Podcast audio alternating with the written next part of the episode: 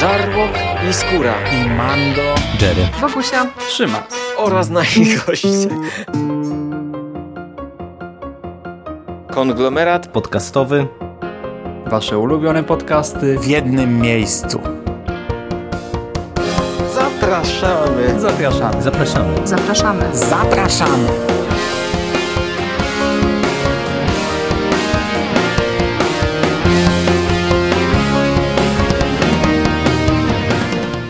Witam w kolejnym odcinku konglomeratu podcastowego. Ja nazywam się Hubert Spandowski, a dzisiaj e, chciałem powiedzieć kilka zdań o książce, o pierwszym tomie cyklu e, brytyjskiego pisarza Simona Becketa, e, serii o e, doktorze Davidzie Hunterze, czyli opowieści Chemia Śmierci. Jest to seria książek, o której od lat słyszałem bardzo dużo, bardzo dobrego, ale jakoś e, nie było czasu, nie było chęci, nie było możliwości, żeby się za to zabrać. Trochę odrzucały mnie okładki tych książek. Amber wydał to w kilku różnych seriach, ale najbardziej znana jest chyba ta biała z, e, tak, z taką brzydką czcionką na okładce. E, chociaż tak naprawdę no, wiele wydań do siebie tutaj nie pasuje i chociażby teraz niedawno wyszedł piąty tom, który w ogóle jest wydany w zupełnie innej szacie graficznej, odstającej od, od wszystkich, e, które były wcześniej. Pojedyncze tomy były wydawane inaczej, bodajże e, czwarty tom miał swoją jedną własną szatę graficzną niezwiązaną z serią. E, drugi tom, jeżeli się nie mylę, też miał swoją osobną szatę graficzną, inne wydanie, inne wznowienie i tak dalej, i tak dalej. Ja z tą książką zapoznałem się tradycyjnie w formie audiobooka. I tutaj też e, no, wypada zaznaczyć, że seria nie jest spójna. E, mamy chyba dwóch różnych lektorów. Pierwszy tom czyta Jerzy Radziwiłowicz i on czyta bardzo fajnie. To jest, to to jest pierwsza interpretacja tego pana, jaką słyszałem. E, bardzo mi się podobało to, w jaki sposób on czyta, przy czym czyta bardzo, bardzo wolno. I to tak naprawdę bardzo wolno. E, ten audiobook bez problemu można słuchać na prędkości 1,25 czy nawet 1,5 i nic się nie traci poza e, no, pokazaniem braku szacunku dla pracy tego człowieka. E, Natomiast książka trwa 11,5 godziny, czyli jest dość krótka. E, Biorąc pod uwagę, jak wolno jest czytana, to jest, to jest cieniutka książeczka tak naprawdę.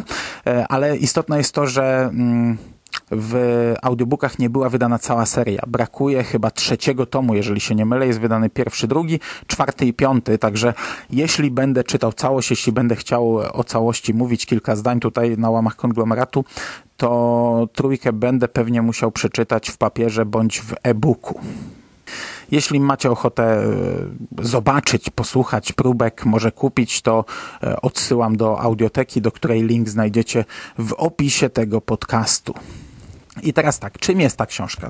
To jest thriller, to jest kryminał. To jest e, książka, która wpasowuje się w ten e, cały zestaw, cały worek e, nowoczesnych kryminałów, e, thrillerów współczesnych, e, ale wyróżnia się postacią głównego bohatera, wyróżnia się pewną brutalnością i tematyką i sposobem opisywania e, dochodzenia to jest zupełnie inne. Tak naprawdę już otwarcie, i to, to podkreśla się we wszystkich recenzjach, jakie gdzieś tam mi mignęły przed oczami, już otwarcie y, no, rzuca trochę na kolana. Pierwsze wersy, pierwsze akapity i cały pierwszy rozdział tak naprawdę jest świetny. Sam początek to jest taki opis y, tego, w jaki sposób y, rozkładają się zwłoki znaczy jak to przebiega, tak, taki opis w pigułce, w którym momencie się zaczyna i kilka faktów, co się wtedy dzieje, natomiast dalej mamy opisaną pewną historię mm, chłopców, którzy latem wyszli do lasu i znaleźli właśnie takie rozkładające się zwłoki e, w dość e, posuniętym stadium. I całe to otwarcie, cały ten pierwszy rozdział naprawdę chwyta od razu, wciąga nas, wrzuca w e, wir e, w tych wydarzeń i chwyta tak mocno, że już nie puszcza.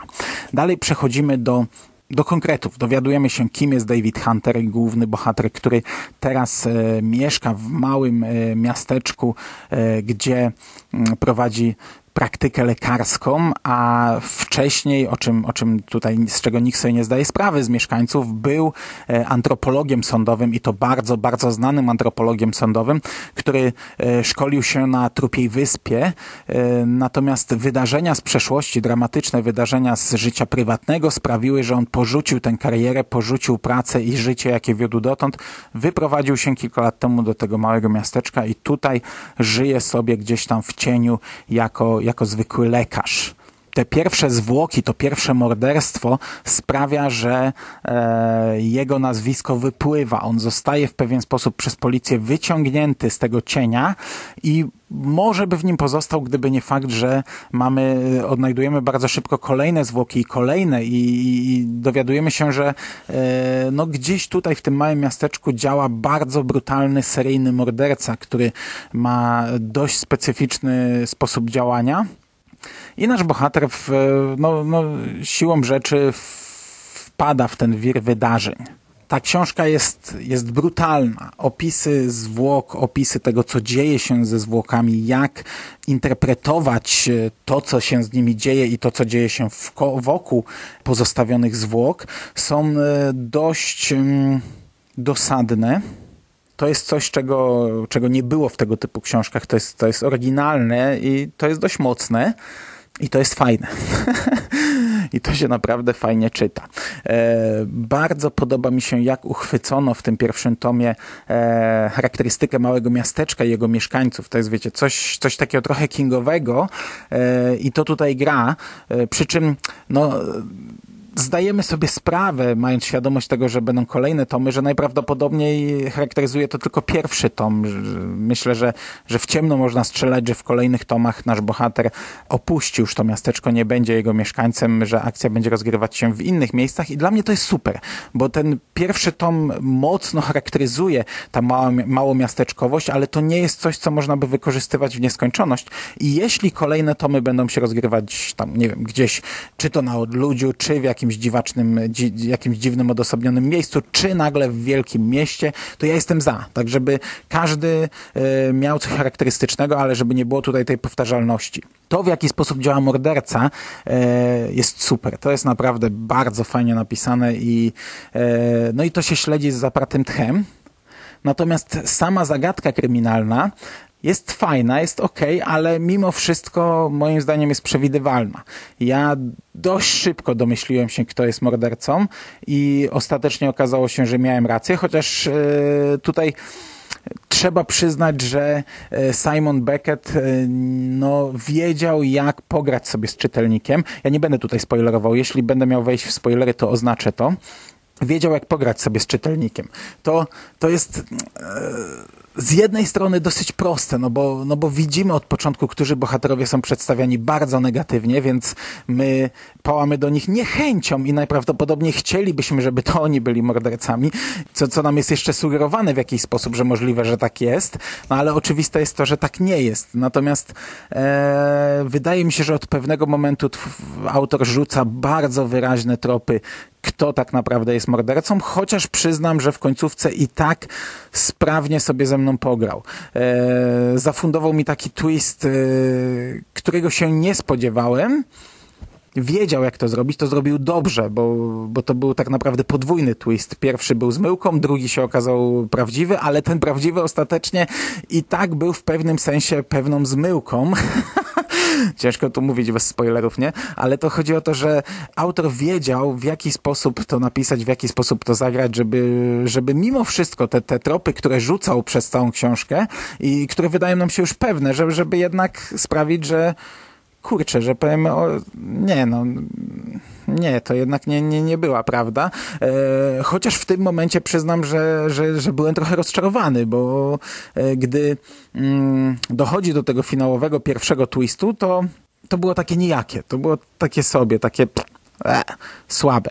E, na szczęście było jeszcze trochę czasu, ta, ta książka jeszcze chwilę trwała i, i wiecie, w momencie, gdy ja już e, opuściłem gardę, gdy mm, odpuściłem sobie te swoje podejrzenia, no bo przecież widzę z kart książek, z kart książki, że się myliłem, to wtedy nagle jeps i, i, i coś, czego spodziewałem się od dłuższego czasu, ponownie mnie zaskoczyło. Nie? Także, e, także to, to, to jest e, duży plus dla autora, dla Simona Becketa, że wiedział, jak to fajnie napisać, jak fajnie zagrać sobie z czytelnikiem. To, to nie jest jedyny taki przypadek, gdzie on zagrał, bo nasz morderca oznacza swoje ofiary w pewien sposób i my jesteśmy świadkiem w pewnym momencie oznaczenia takiej ofiary. I no, nie wiem jak inni czytelnicy, ale ja też w pierwszej chwili źle to zinterpretowałem, chociaż, no kurczę, można się było tego domyślić od pierwszej chwili, ale ja się nie domyśliłem i, i myślę, że taki był właśnie zamiar twórcy, że chciał, żebyśmy się nie domyślili, chciał nas zmylić i mnie zmylił. O, oczywiście, no, domyśliłem się ostatecznie tego wcześniej niż e, to się wydarzyło na kartach książki, ale to był dla mnie też duży plus, że miałem takie, takie dwa e, zaskoczenia. E, najpierw to pierwsze, które błędnie zinterpretowałem, a potem nagle mówię, kurde, Mando, jaki ty głupi jesteś, przecież, przecież to było oczywiste od początku. E, nie wiem, czy to wszystko, co mówię, jest, jest e, zrozumiałe. Wydaje mi się, że kompletnie nie.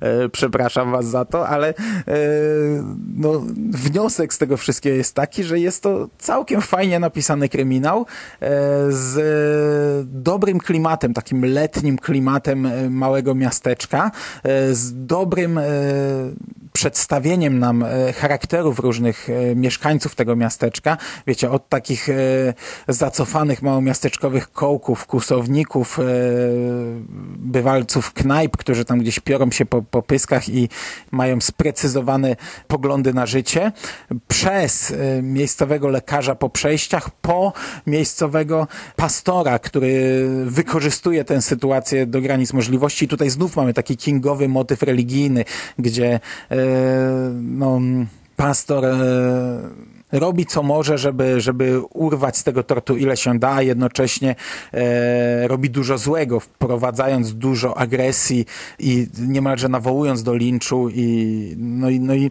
powodując, e, że wydarzenia nabierają swojego tempa.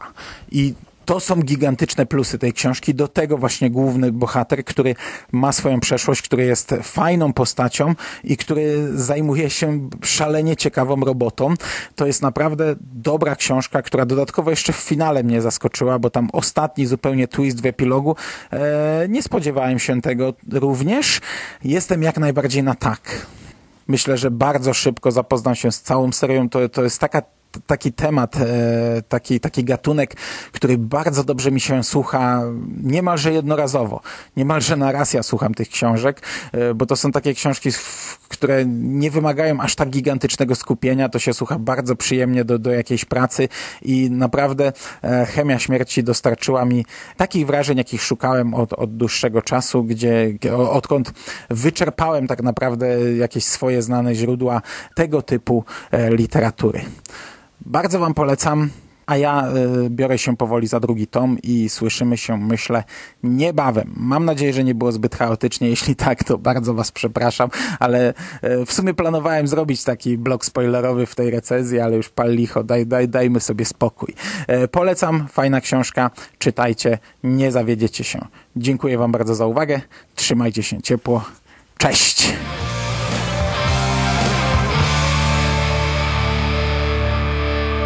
Finished? That's it, man. It's game over, man. It's game over. What the fuck are we gonna do now? What are we gonna do? It's over!